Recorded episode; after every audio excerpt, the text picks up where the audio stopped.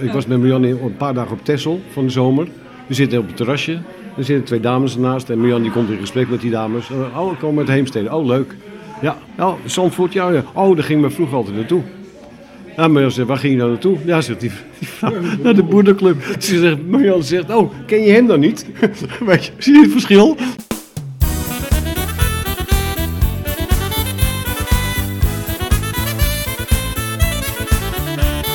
De Zandvoort Podcast presenteert Het Barboek.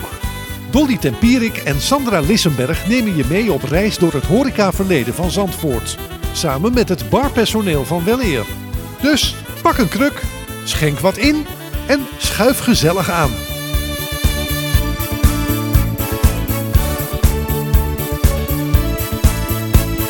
Deze week aan de bar bij Dolly en Sandra Peter Logmans en Edwin van der Woude. Uh, je kunt hen kennen uit de Boeddha Club van de jaren 70, uh, die op 5 april 1969 werd geopend door Liv Alok in de oude slagerij van Eldik in de Haltestraat. En uh, de verhalen zijn er nog dat mevrouw van Eldik nog regelmatig naar beneden kwam om te klagen of de muziek wat zachter kon. En nou ja, samen met hen gaan we even terug naar toen, want de Boeddha Club uh, was echt de place to be. En de heren gaan ons vertellen wat voor een plek dat was. Wie kwam er? Wat gebeurde er? Precies onder die trap. Daar kan Edwin zo meteen van alles over vertellen. En uh, wellicht ook nog komt aan bod welke Formule 1-coureur er eigenlijk kwam om rustig te eten. Uh, maar allereerst wil ik nog van de gelegenheid gebruik maken om mijn uh, podcastmaatje Dolly Tempierik vanaf deze plek nog de groeten te doen. Uh, want zij herstelt nog steeds van haar operatie. En ik wil ook nog even melden dat we deze podcast uitzenden vanaf het Wapen van Zandvoort, waar wij te gast zijn. Ook hartelijk dank. En nou ja, welkom heer. Het was een lange intro, maar hartstikke welkom. Peter, Edwin. Um, ja, om te beginnen. Peter, wat was de Boeddha Club voor een plek?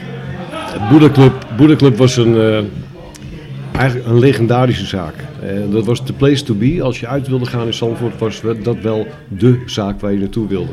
En dat was ook een beetje zien en gezien worden. We kwamen, uh, omdat het best wel lastig was om binnen te komen, want je moest echt wel voldoen aan de leeftijd. Hoe oud moest je zijn? Nou, je moest toch minimaal 18 zijn. En als je heel goed opgemaakt was uh, en je was 16 of 17 en je zag er goed uit, dan maakte je ook kans om er binnen te komen. Dames.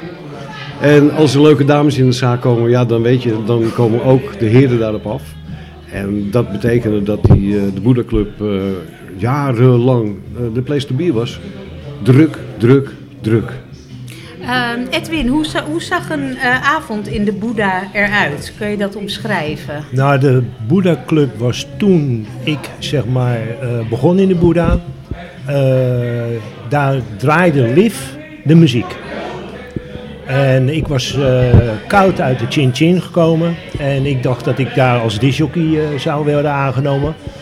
helaas werd ik dus gebombardeerd op saté maken. En dat was onder de trap van de toiletten. En er stond dus een grill, maar zo'n klein grilletje die zo open ging als een wafeltje. Daar konden dus precies twee porties saté op. Nou, dat was dus heel hard werken. En dan was het Max Woudenberg, die stond achter de bar. Die had dan een, een fluitje, een scheidsrechterfluitje. En die floot dan en keek ik en dan zei hij... Vier CT, twee CT. Nou, en mijn record was geloof ik op een zondag eens een keer op dat kleine dingetje 186 CT te maken. Dus ik was, op een gegeven moment was ik eigenlijk wel klaar met het thee maken. Toen ben ik dus eigenlijk naar Liv gegaan. Liv, is er niet een mogelijkheid dat ik ga draaien, dat ik jouw plaats over ga nemen? Nou, toen was het op een gegeven moment, ging ik naast Liv zitten. Want Liv die deed de muziek, maar die hield ook alle barkeepers en die sloeg ook nog de, de drankjes aan. Dus Liv had zicht op alles. Dus ik mocht dan af en toe een plaatje draaien. Maar hij zei al eigenlijk fluister in mijn oor. In 1975, dat is gaan we dus een discotheek doen. Met een dansvloer. En dan word jij de eerste disjockey van de Boeddha Club. Want daarvoor, wat was het voor? Want dus vanaf 1975 kon er ook gedanst worden. Hoe zag het daarvoor eruit? Nou, het was gewoon eigenlijk uh, staan, zittend en luisteren naar de muziek. En heel veel drinken. En gezellig. Want Liv draaide een, een soort muziek. Wat, ja, dat was gewoon uh, easy listening. soulmuziek. Af en toe een wat funk er doorheen. Maar hij had gewoon een, eh, ja, een gevoel voor muziek. Ik kwam eigenlijk uit een discotheek. Ik heb toen gedraaid in, de, nou, in China ook, in, in Spanje ook. En ik kende eigenlijk niet echt het soulbegrip. En ik heb eigenlijk door Liva ben ik eigenlijk overgestapt van uh, dus een, een, beetje de, de algemene muziek voor te dansen naar echte soulmuziek. En de funk. En dan, uh, Jij draaide meer top 40 en hij, ja, was meer top 40. Echt een bepaald ja, genre. Ja. Leuk. Uh, er zijn ook nog de, de, de bekende optredens geweest uh, in hun tijd. Ja, zeker. ja, we hebben daar zeker bekende optredens gehad. En de bekendste dat waren wel de trams, de trams. destijds.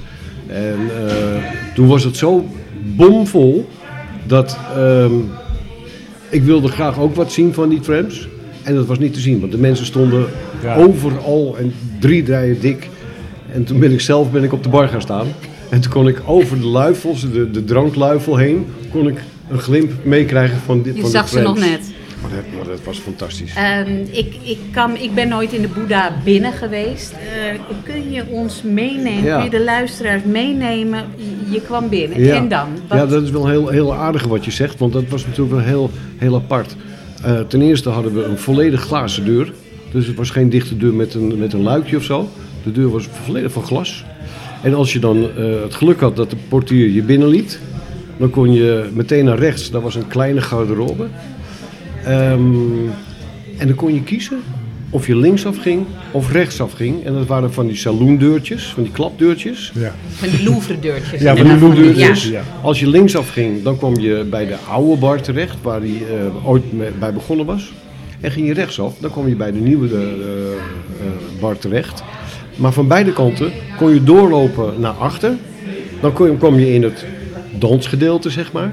En daarachter, met een paar trapjes omhoog, daar was ook nog een bar. Dus we hadden, eigenlijk hadden we drie uh, bars in één zaak. Maar tussen die eerste twee bars, er zat een hele grote muur. Dat was een draagmuur. Die kon er niet uit bij de verbouwing. En die hadden ze laten staan. Want later is de wolbaal is, uh, is er ook bij Ja, maar dat is de wolbaal, hè? Ja, die bedoel ik. Hè? Dat is, als je de wolbaal was, als je rechtsaf ja. ging, dan was dat de oude wolbaal. Ja. En wat, die, wat ze heel slim gedaan hadden, was uh, in dat tussenstuk tussen die twee uh, barren links en rechts, had je die hele lange draagmuur. En daar hadden ze hele grote ronde gaten gemaakt. En daar zat een, een soort van Chinees raamwerk zat daarin. logo zat erin, ja. En dan een stuk of drie zaten erin, geloof ik. Dus als je in de ene bar zat, dan kon je toch nog door die gaten naar de andere bar kijken of het daar druk was. Of dat je daar misschien een leuk meisje zag zitten, dat je die kant op ging. En zo, en zo werkte dat. Ja. Het leuke Liv kon ook is, meteen zien wat er gebeurde aan de andere kant. kon dat precies in de gaten houden. En het, het, leuke, het leuke van die drie verschillende barren was, dat was wel heel apart. Dat um, als je, nou laat ik linksaf beginnen. Als je linksaf ging, dan kwam je meteen eigenlijk bij Liv uit bij de draaitafel en de grote bar. Bij de grote bar, daar, ik stond als, als eerste daar voor Liv. En daar kwamen de Zandvoorters, uh, de voetballers van de voetbalclub, de basketballers. Dat was een bepaald Die kwamen altijd op dat plekje. Liep je een stukje door en dan kwam je bij Max van der, Wou van der Woude of uh, Max, Woudenberg of uh, Lex van der Meer uit. Nou, Ja. Ronald Rietberg in eerste instantie. Dat was weer een ander soort publiek wat daar zat. En liep je naar achteren, dan zat Hans Bankwas stond er achter de bar. Daar had je helemaal een apart soort publiek. Dat waren, die, die waren van het circuit. Ja. Dat waren de racers, dat waren ja. de rallyrijders. En een beetje de, de, de, ja, de, de semi-intellectuelen, wat ze van zichzelf vonden. Hè, dat, dat kluisterde daar allemaal. En, en als je dan de andere kant op ging, de oude wolbaal, de, de nieuwe bar zeg maar. Daar stond uh, Rob van der Lee. En die trok vooral de Amsterdammers. Dus je had drie, eigenlijk drie soorten publiek Ja, dat klopt, in, ja. één- in één zaak. Ja, en die mensen gingen altijd naar dezelfde plek. En die gingen eigenlijk nooit buurten bij een andere bar. Ja, alleen met de carnaval, als we gingen Polonaise lopen, kwam je eigenlijk eens een keer aan de andere kant van de Zo zaal. is hier ook nog wat, ja. Ja. Nou, jij zegt nu carnaval, maar dat was ook het sterke van die zaak. Ja. Want je loopt met carnaval, je weet, loop je altijd rondjes, hè. En nu liep je dus een echt rondje, hè. Want je liep van de ene bar om die muur heen naar de andere kant. En dan an- langs de andere bar weer terug. En weer naar de voordeur. En weer door die Louvre-deurtjes. En zo, zo, zo werkten de rondjes ja, in het carnaval. Ja, carnaval was toen echt nog heel, eh, heel hot hè, in Zandvoort. Echt gewoon Ja. eh, Ja, was he- echt, eh, heel groot. ja, Eh, Peter, en nu weet ik dat jij nog een, eh, een hele, hele gulle klant hebt gehad tijdens eh, carnaval. Ja. Terwijl je zelf druk bezig was met andere dingen. Ja, dat klopt, dat klopt. Ik stond, zoals gezegd, stond ik achter de grote bar samen met Lex van der Meer op dat moment. Volledig verkleed natuurlijk. En carnaval begon op vrijdag, op zaterdag, op zondag. Wij deden niet mee, we moesten natuurlijk keihard werken achter die bar. Maar op maandag, dan hadden we ook nog carnaval in de zaak. En dan kwam alles en iedereen die kwam op maandag ook nog een keer langs. Want dan mochten ze ook nog een keer de boel afbreken. In het net, hè. Alle van de muur aftrekken en de slingers weg. En dat vonden we, vond men prachtig. En eh, op maandag dan eh, hadden Lex en ik afgesproken van joh, we gaan om de beurt, gaan we mee in die carnavalstoet en dan lopen we ons rondje en dan ga ik weer achter de bar en dan ga jij weer lopen. Nou prima, dat ging hartstikke goed. Tot op een gegeven moment, eh, het wat later werd op de avond en eh, wij in ons enthousiasme allebei in die Polonaise meeliepen en niemand achter de bar stond. En eh, nou goed, ik kom nog terug achter de bar en er zit eh, iemand aan, aan de bar die, met wat mensen en die roept. En Oh. Nou, het is voetbalavond in het Wapen. Eh, ik, eh, ik hoop dat er net gescoord wordt. Voor mij AZ scoort. Maar goed, dus die riep, riep me en zegt, joh, geef hier eventjes wat eh, aan het hele ploegje mensen wat te drinken. Nou, prima. Ingeschonken, en afrekenen meteen, want met carnaval werd natuurlijk meteen afgerekend. Afrekenen en klaar. En hup, weer die Polonaise in en daarna komt die komt weer achter de bar staan. En hij zegt, hé, hey, eh, kom even hier, geef hier even wat te drinken. Nou, dat ging zo'n keertje of 7, 8 ging dat door. En het waren behoorlijke rondjes en hij tikte iedere keer keurig netjes zijn geld af. Totdat op een gegeven moment iemand tegen ons zei van luister, jullie gaan wel steeds met die Polonaise in. Maar iedere keer als jullie achter die bar vandaan zijn, dan gaat hij met zijn hand gaat over de bar, onderlangs, en haalt hij het geld wat jullie daar eh, neerleggen, wat, wat kerst betaald wordt, dat haalt hij net zo hard weer weg. En van dat geld geeft hij iedere keer een rondje. nou, toen hebben we hem even apart genomen. En toen hebben we hem eh, gehouden tot eh, het eind van de avond. En toen iedereen de zaak uit was, toen hebben we hem eh, tot op zijn blote billen uit laten kleden. Al zijn zakken nagevoeld tot hij in zijn onderbroek aan toe, waar hij het geld allemaal verstopt had. Hij heeft eh, het geld keurig netjes teruggegeven, maar dat was natuurlijk lang niet genoeg. En dan zei van nou prima, eh, je komt morgen kom je ons eh 300 gulden brengen. Nou, dat was goed, dat was afgesproken. Hij gaat de deur uit en wij gaan eh, aan het werk bar schoonmaken. En een kwartiertje later werden we gebeld in de zaak. En iemand, hij zegt, ja luister, ik weet niet wat er gebeurd is. Maar er zit buiten de boerderclub zit iemand op de stoep. En die zit met een pistool in zijn hand. Nou dat dan? Dus wij gingen kijken en toen zat diezelfde vent, die zat op de stoep met de pistool in zijn hand. En die zat te wachten tot wij naar buiten zouden komen, want die zou ons wel eventjes eh, helpen. Op dat moment ging het bij ons allemaal het licht uit. Dus gooiden die deur open, we stormden naar buiten, bovenop hem, op hem gegooid, pistool afgepakt. Een paar tikjes gegeven, een paar corrigerende, een paar corrigerende tikjes gegeven. En eh, ik moet zeggen dat eh, een week later kwam hij toch zijn excuus aanbieden en kwam hij toch netjes eh, dat geld brengen. Dat dan weer wel. Zo, dat, Ja. eh, Ja, het dat kan wel. omslaan, alle kanten op. Ja. Ehm, Edwin, wat kan jij je herinneren? Wat is jouw grootste persoonlijke Nou, wat, hoogtepunt? eh, van de boerderclub? Of Ja, dat hoogtepunten. is eh, toch eh, de sfeer. En gelukkig kon ik dat eh, overbrengen, de sfeer. Ik kreeg de mensen heel erg aan dansen, gelukkig. Ik ging ook iedere maand met Liv Halok naar België toe, in Antwerpen. Om eh, platen te kopen uit Amerika. Hadden we die platen in Nederland nee, niet? Nee, Daar moest je helemaal voor naar België. naar België toe, naar Antwerpen. En dan hadden we daar eh, twee eh, platenzaken. Dat was DMS Import en USA Import. En USA Import was eigenlijk een beetje gericht op de funk en soul. En toen de tijd de disco wat ze, ze, ja, begon eigenlijk. En dat deden we iedere maand. En dan was het zo grappig, want dan kwamen we aan. We waren klaar met werk, 4 uur, 5 uur reden we naar België toe. En dan 7 uur s ochtends zaten we dan in een, in een café te wachten dat USA Import open ging om 8 uur. En dan zaten we in zo'n eh, zo'n zeg maar, in zo'n kroeg. En er stond keiharde muziek al aan om 7 uur. En dan de laatste hits van de disco. Dat wij zeiden, wie is dit, wie is dit? En zo was het op een gegeven moment dat ik daar, dan ging ik naar USA Import. En dan Liv en de anderen die gingen dan uh, Antwerpen in. En ik ging dan drie, vier uur lang, hadden ze een hele stapel voor mij neergelegd. En die ging ik le- luisteren. Dat waren allemaal maxi-singles, 45 EP. En daar was op een gegeven moment ook eh, Casey in the Sunshine Band. En toen zei die jongen, hij zei- ik zeg Casey in the Sunshine, heb, heb ik nog niet gehoord. Want we zaten helemaal in de soul en eh, de En jij dacht. Casey, dat is een Hollandse jongen. Een hele Hollandse jongen. Dus Casey en de Sunshine Band. Nou, toen gingen wij s'avonds eh uit in, eh, in een discotheek. En daar werd het ook gedraaid. Nou, de mensen gingen helemaal uit hun dak. En het kl- klonk lekker. Dus ik En meenemen. welke Casey-hit was dit? Want hij heeft er een eh, aantal gehad. Ja, let's get, it, get down. de, de, zeg maar de eerste grote hits. En eh, nou, ik mee naar Zandvoort. Helemaal trots dat ik Casey in de Sunshine Band heb. Het heeft me echt drie maanden geduurd voordat ik de mensen op de dansvloer ko- konden krijgen met Casey in de Sunshine Band. Want die waren echt gewend aan Marvin Gaye, een beetje rustige muziek. Hamilton Bohannon he- heb ik ook daar voor het eerst gedraaid. Nou, de mensen wisten helemaal niet wat eraan. Dus ik heb ook eigenlijk een beetje een cultuurshock gedaan met, met het draaien. En dan, eh, ja, en het was gewoon, ja, de mensen waren op een gegeven moment, eh, ja, helemaal idolaat. Alleen, wat wel jammer was, want toen was ik blij dat ik kon draaien met die plaat. En die mensen stonden maar op de dansvloer.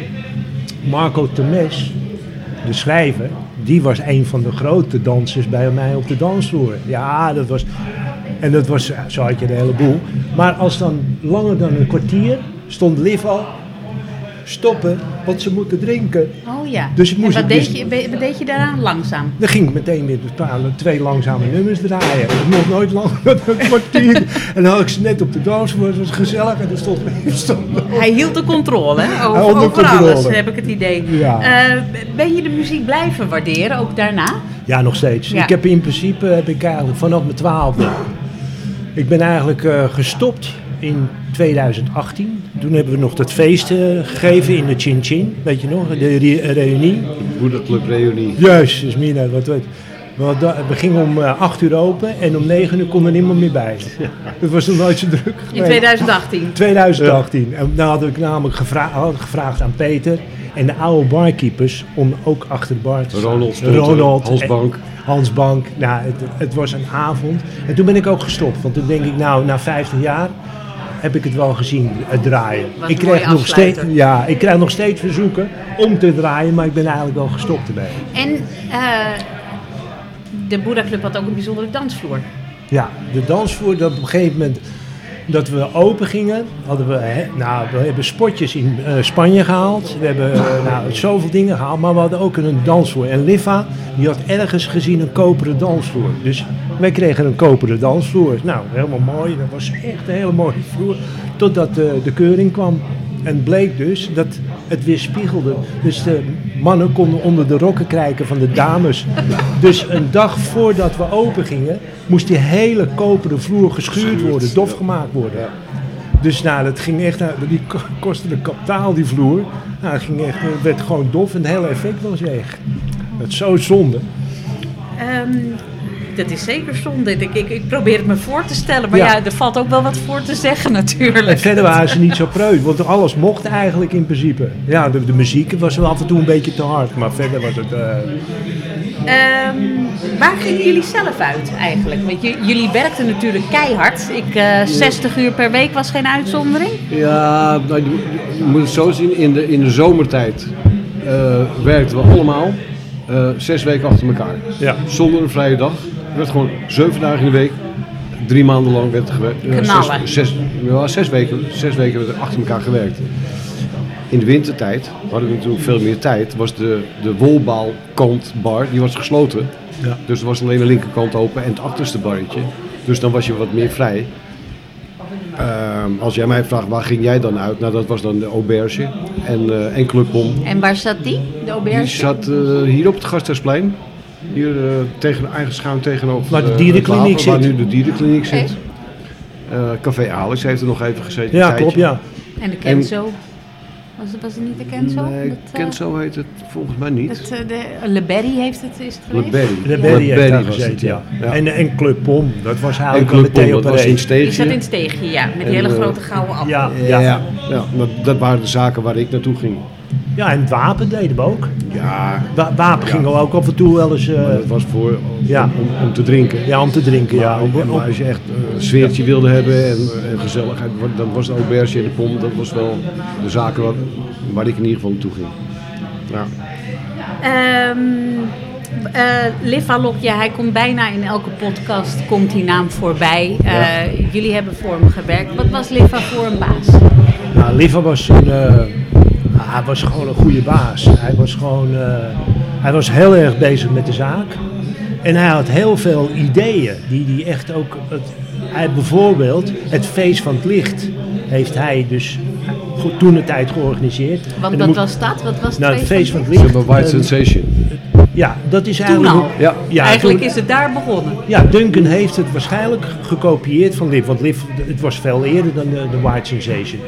Maar, de, zeg maar in de Boeddha moest iedereen ook in wit komen. Maar Liv deed er dan nog een schepje bovenop. En die liet dan ook die hele Boeddha dus helemaal decoreren met echte bloemen. Witte bloemen. Dus het was gewoon plaatje om te zien. En dan... De Tramps hebben toen ook nog een keer opgetreden, maar we hebben, eh, ja, we hebben, we hebben zoveel artiesten gehad. Rhoda Scott, eh, nou, Rastelli heeft nog eens een keer een hypo, eh, hè, Patricia Pai. Patricia Pai. Nou, en dat waren dus die feesten waren gewoon, ja, dat was Liv ook. Was het op een bepaalde datum? Of, eh, Nee, het feest van het licht was eigenlijk in juni, een beetje in Een juni. beetje midzomernacht Ja, ja, eh, midzomernacht, ja. idee. Ja. Van de, de langste dag. Ja. En eh, Ja, dat, eh, dat klopt. Nee. Nee, dat was, eh, ja, dat, wa- dat eh, was eh, lift en voeten uit. Hij had Ja. zoveel ideeën. Creatief, hè? En altijd creatief en Ja. altijd met, met muziek. En, eh, ja. ik weet nog op een gegeven moment ook dat hij die overstap maakte van eh, de Boeddha. Toen werd ik eigenlijk bedrijfsleider. En Lift die ging voor eh, Mojo werken. En hij kreeg op een gegeven moment van Mojo, omdat hij al een aantal eh feesten had georganiseerd in... eh, Mojo, de, de muziekpromotor, ja, de. Dus, eh, ja. eh, in Monopol heette het ook weer. eh Beach Beach Club. Nou, daar, daar heeft de, de Golden Earrings opgetreden, heeft Liv gedaan, Billy Swan, eh, nou, de Peddlers, nou, al, Patricia Pai, de Supremes. Supremes. Ja, en eh, de Manhattans eh, zijn er Three, geweest. dus- three De degrees. Three Degrees inderdaad, voor mij. en de Three Degrees. Ja. Dus hij zat toen- toen al helemaal in die, in die, in die scene. En toen kreeg hij van Mojo eigenlijk te horen na zijn eerste succesvolle optreden. Dat was volgens mij Marvin Gaye in de Ahoy. Nee, sorry, in de Jaap Edehal was dat. En toen kreeg hij- Liv hij eigenlijk toegewezen, alles wat zwart was, mocht hij organiseren. Van, donker. En dan mocht hij organiseren. Mojo pakte daar zijn percentage van. Maar hij heeft Stevie Wonder gedaan. Hij heeft alle grote, alle grote Uit gedaan. de, uit de Motown-stal of nog, nog ja, ook, ook, ook een Motown heeft hij gedaan. Dus, eh. Maar het enige nadeel was wel... Het publiek van de Boeddha-club miste toch Liva. Want ze wilden Liva. Omdat hij een karakteristieke man was. Liva was de Boeddha Club. was de. Ze zeiden wel eens zo jammer dat Liva er niet is. Weet je. Dus ja, dat is... eh, en heel zakelijk. Echt Ja, heel- want er was nog iets met een eh 11% regel, Peter? Ja, ja, ja, Edwin zegt heel zakelijk. Dat is ja en nee. Hè. Ja. De LIF heeft... eh, ik bedoel, wij verdienden toen, wat ik, wat ik net vertelde, in, Ja. in die tijd van die zes weken achter elkaar werken, verdiende ik als barkeeper 1500 gulden En hoe oud in was de je week. toen? Ik was toen 25. Dat is heel veel geld. Ja, maar, en ik niet alleen, maar dat verdiende, verdiende eh, Ronald Rieberg, en Ron van der Lee en Lex. Allemaal verdienden 1500 gulden in de week. We reden ook allemaal in bakken van auto's. BMW's en Mercedes. Ik had zelf een Mercedes 190 SL cabriolet als barkeeper. En, en- en het mooie was nog, dat die Ronald Rieberg die had op de een of andere manier had hij, eh, stickers kunnen bemachtigen. eh, die je bij een arts ook op zijn voorruit ziet. hè, met zo'n esculaap. Alleen bij een arts is hij rood. En deze die waren groen. En dat bleek, dat zijn dan van dierenartsen. En die hadden wij allemaal op onze voorruit hadden we die geplakt. Dus wij zetten die auto's zetten we overal neer. En in de Haltestraat en ook bij parkeren. Maar we betaalden helemaal niks. En de artsen mochten gratis parkeren. Ja, en, maar totdat na weken, toen kwamen die, uh, ja, de parkeerwachters erachter, dat dat helemaal niet correct was en dat dat niet, niet, klopte. En toen werden we toch gesommeerd om heel snel die dingen van de vooruit af te halen. Maar op lift terug te komen, zakelijk, ja, zakelijk.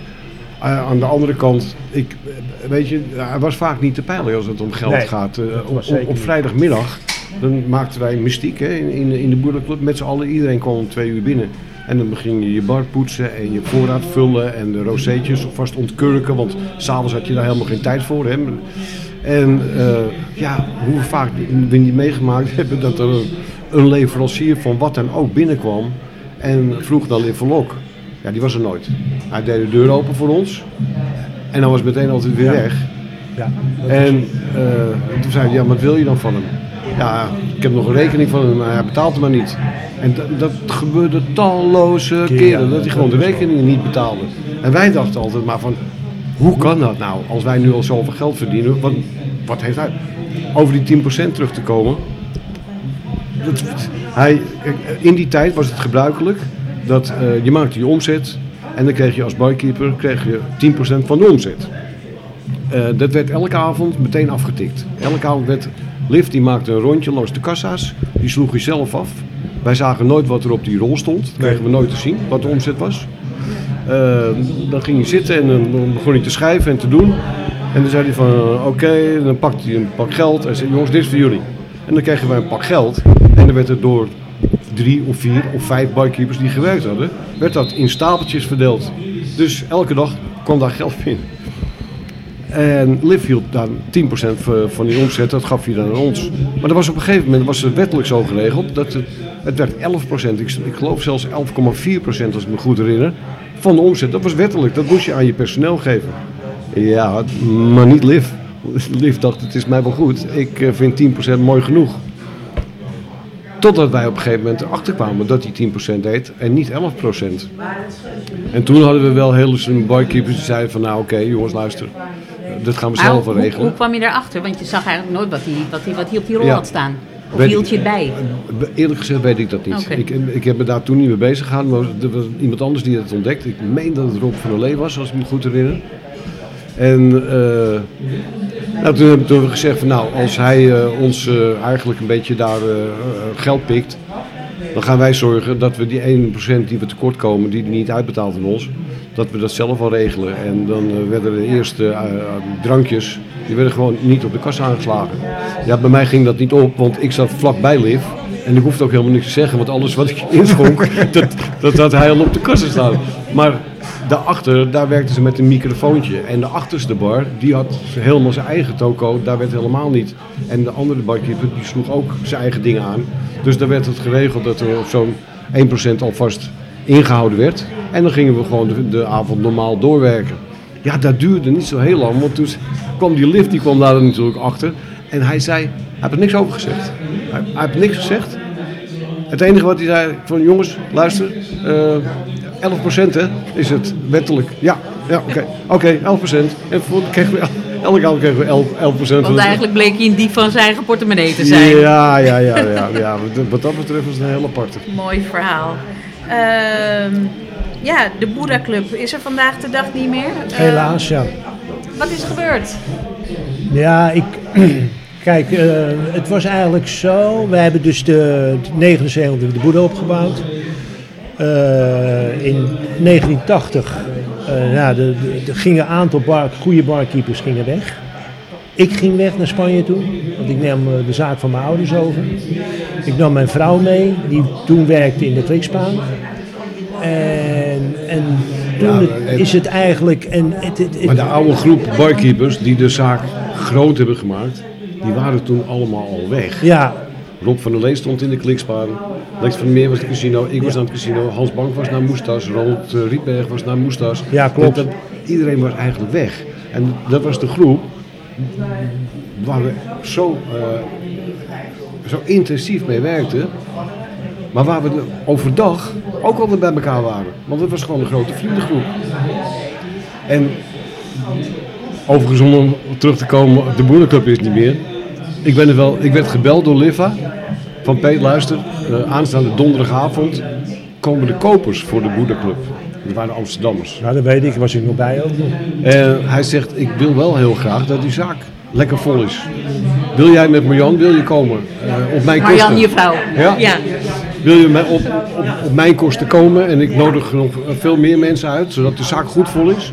Dat als die mensen komen, dat ze denken van zo. Ik zeg ja, het kost niks, ik betaal alles. Nou prima, lief, tuurlijk kom ik. Dus wij kwamen daar op donderdagavond. Bomvol die zaak. Hartstikke gezellig, allemaal bekenden, allemaal mensen die hij uitgenodigd had natuurlijk. En die eh, Amsterdammers die kwamen binnen en die liepen rond en die, nou, die, die zag gewoon in twinkeling van hun ogen van nou dit, dit is wel goed. Ze hebben hem ook gekocht. Maar het was het eind van de avond en eh, ik zeg joh, luister, we gaan Jan, kom op, het is mooi geweest. En ik loop weg. Ik voel hem aan. En, ik, en ik, een van die barkeepers zegt, Peet, Peet, Peet, Peet, kom. Ik zeg, wat is er? Hij zegt, je moet je, moet je bonnetje nog even betalen. Ik zeg, nee, dat, dat, dat, dat is geregeld met Liv. Nou, zegt hij, dat was zo. Hij zegt, maar het is zo verschrikkelijk druk geworden. Hij zegt, dat Liv heeft gezegd, gaat niet door hoor. Dus iedereen moet gewoon betalen. dat is typisch Liv. En het mooie is, dat, dat, daar werd je niet eens boos over. Nee, Want dat was Liv. dat was lief. Dat, dat accepteerde je gewoon van Ja. hem. Er is nooit geen woord over gezegd. Dus, ah, prima, dat betaal ik wel, weet je. En, en toen werd het de typa's. Nee, toen werd het Kenzo. Oh, toen werd Volgens het Kenzo. kan- Ik, ik ik, heb- zat me trouwens net te bedenken dat waar ik Kenzo zei, dat ik Sessels bedoelde. Ja, nee, het is nog... Nee, Sessels zat in Hotel Bouwers. Ja, Ja. beide toch? Nee, nee, Nee. nee, Hotel. Bouwers. Met, met, het, met, het, met, met het Ja, dat, dat was Hotel Bouwers. Ja, Bouwers. Nou, Onderbouwers. Laat maar, ik ben te, ik ben te jong hiervoor.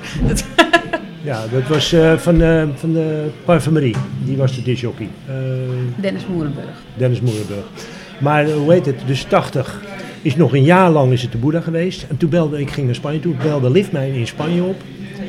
En toen zei, omdat Liv heel veel met artiesten bezig was, was hij weinig in de zaak. Toen zei hij, Edwin, jij komt van de winter weer terug, dat had hij gehoord. Zou jij een paar maanden willen kijken in de Boeddha wat er aan de hand is? En toen had ik al gezegd, nou, alle goede barkeepers waren weg. En die daar aan het werk waren. Gelukkig kunnen we nu, hoeven we geen na- namen te noemen, maar daar was de, de drugs was de overhand. En dat eh, was gewoon eh, einde verhaal. En dat was gewoon, voordat ze binnenkwamen was het al, eh, toen ben ik naar Liv gegaan. Ik zeg, Liv, ik zeg, het beste is dat je dat zo snel mogelijk verkoopt.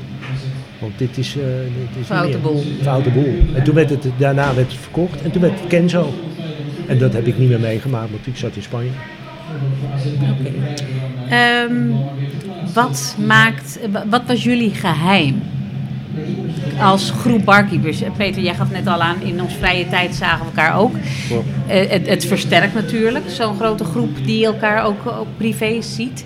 Ehm, hoeveel draagt het bij om echt een goede, goede bar te hebben?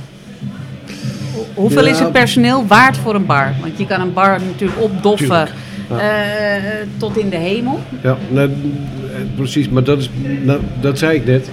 Het was een vriendengroep. Want we hebben jarenlang met elkaar, met elkaar gewerkt. Hè. Ehm, er zat natuurlijk wel wat verloop in. Hè.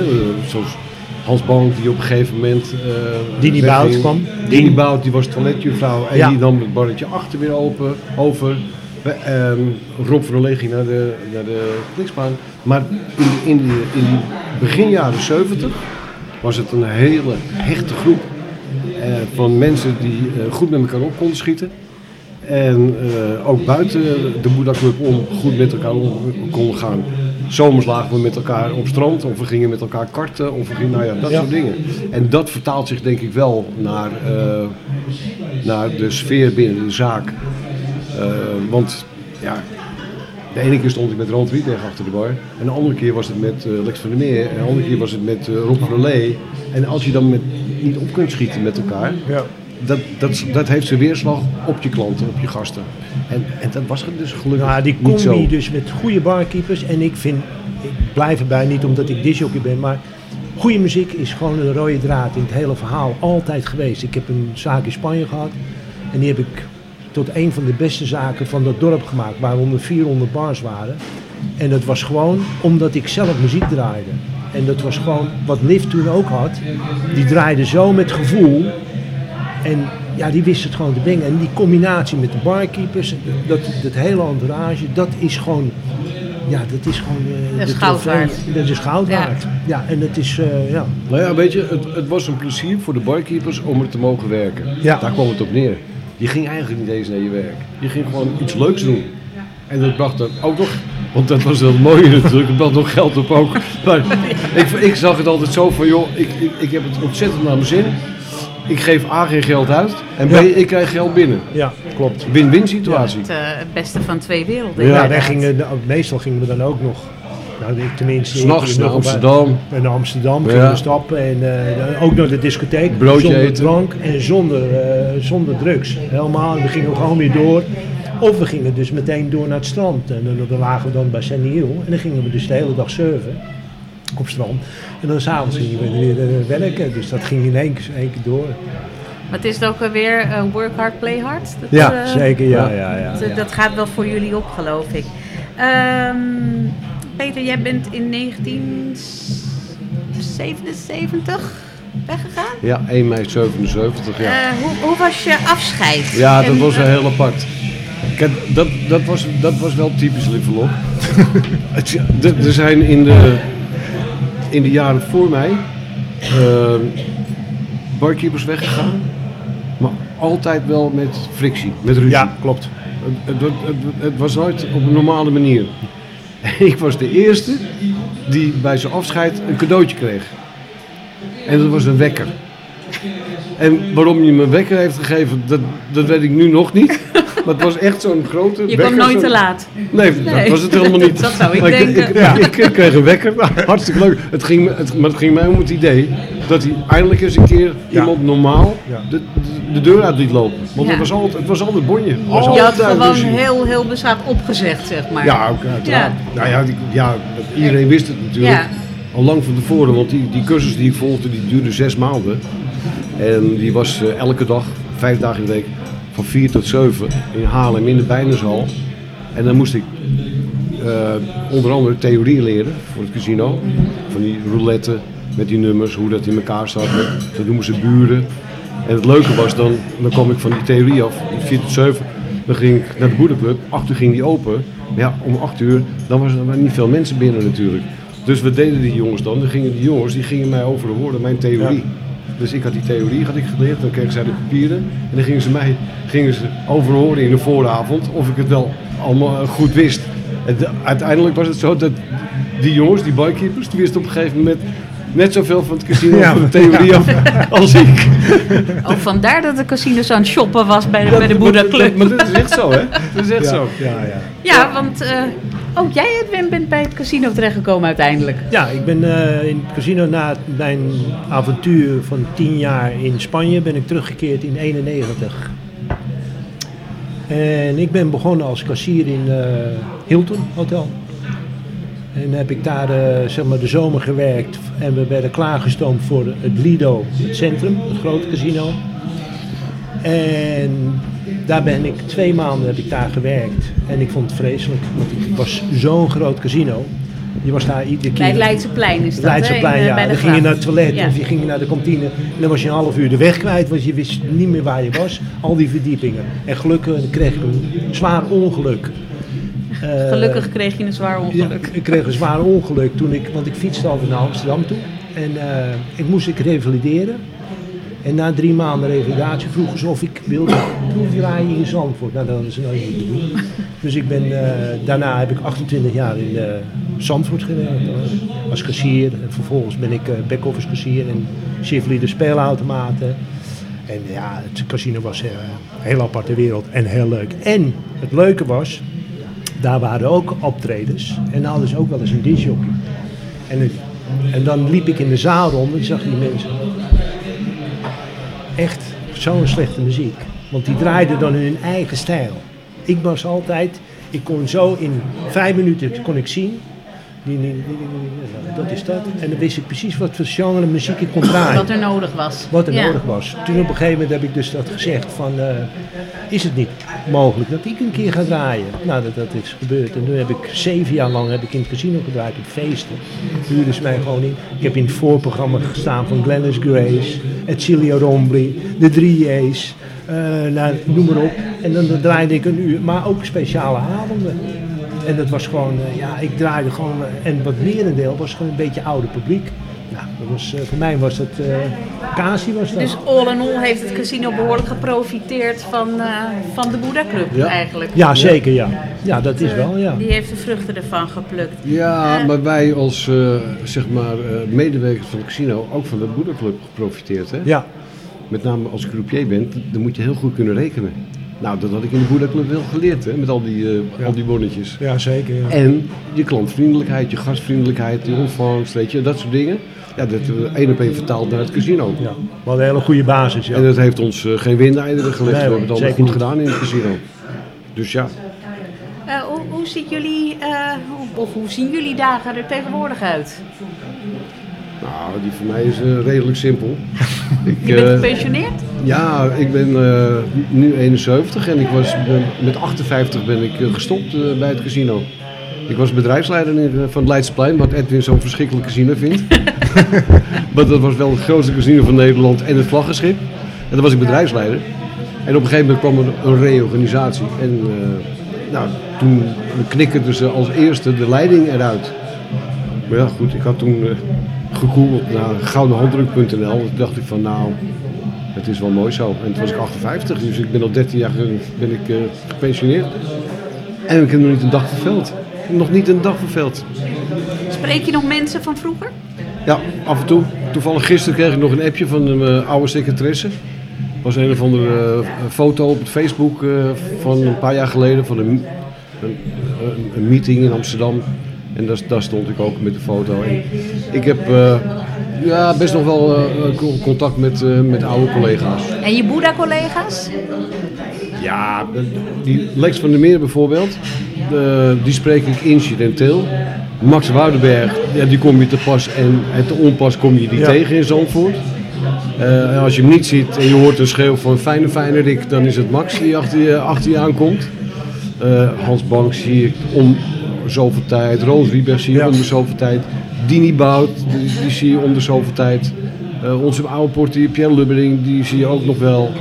Eh, Rob van der Leen niet, die is verhuisd naar Spanje. Ja, die is ja. Die is weg. Maar voor de rest, al, al die oude, ja, ze zijn er allemaal nog. Gelukkig wel, want Gelukkig wel, anders ja. heb ik geen podcast. Nee. Ja, ja, klopt. Ja, dat klopt. Ja. En eh, ook, ook bomvol verhalen. En jij, Edwin? Nou, ik ben inmiddels ook gepensioneerd. Ik ben vorig jaar met pensioen gegaan. Eh, ik ben eigenlijk... ehm, mijn laatste werkdag in het casino zou eh 1 februari zijn. We hadden een heel groot feest georganiseerd. 15 januari in het casino. Ook met gasten. Want die. En ik kreeg te horen 12 december in verband met de lockdown. Die zou duren van de corona tot 19 januari. Van mijn casinomanager Edwin. Tot de volgende keer. En dat hebben we later wel wat dunnetjes over gedaan. Maar dat was eigenlijk mijn laatste werkdag. En ja, wat toen? Zoals Peter zegt, ja, ik verveel me niet. Ik heb me toen meteen een, eh, een boot gekocht. En die ben ik eh, al twee jaar lang aan het opknappen. Die ben ik allemaal helemaal restaureren. Ik ben heel erg handig gelukkig. En die ligt in Haarlem en eh, over collega's. Dus ik heb bijna iedere dag wel een collega die langskomt. Even fietsen of op de scooter. Morgen heb ik Gert-Jan Loos bijvoorbeeld, die komt eventjes langs. En eh, ja, heerlijk. En wat Peter zegt ook, geen dag verveeld. Nou, dat is, eh, dat Ja. is goed te horen dat jullie Ja. altijd nog eh, leuke dingen doen. Ik, eh, nou ja, de tijd is alweer om. We hebben er bijna weer een uur op zitten. En het ging verschrikkelijk hard. Voorbij Dat, gevlogen. voorbij gevlogen. We hebben nog zoveel verhalen voor je. ja, nou, dan zeker. moeten jullie vooral nog eens een keer terugkomen. Nou, heel graag. graag. Ja, Dat, zeker. Ja. Gaan we een beetje in de, het diepe in. Ja. Nou, dat zou ik hartstikke leuk vinden. Eh, nou, nogmaals hartelijk dank. Eh, en ook eh, wil ik het wapen bedanken voor de gastvrijheid. Voor de mensen die dat nog niet weten. Het wapen is genomineerd voor de ondernemersprijs van het jaar. Die wordt uitgereikt. Ook heel goed. Net zoals eigenlijk in de Boeddha Club organiseren ze hier ook heel veel. Zo hebben ze 13 november de pepernotenborrel. Eh, de 17e november is de derde, do- derde donderdag live. En dan treedt, ik, ik hoop dat ik haar naam goed uitspreek, of zijn naam. Dune M.E. treedt dan op. En op 18 november is het wapen helaas gesloten, want dan zijn ze naar de toppers. Zag ik net op de kalender. Dus dat, eh, dit ter informatie. En eh, nou ja, ik wil de luisteraars bedanken voor het luisteren. En op naar podcast nummer 4.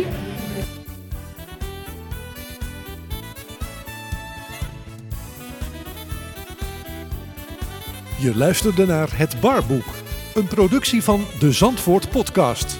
Meer informatie over dit programma en toekomstige uitzendingen vind je op www.dezandvoortpodcast.nl en op Facebook onder Barboek Zandvoort.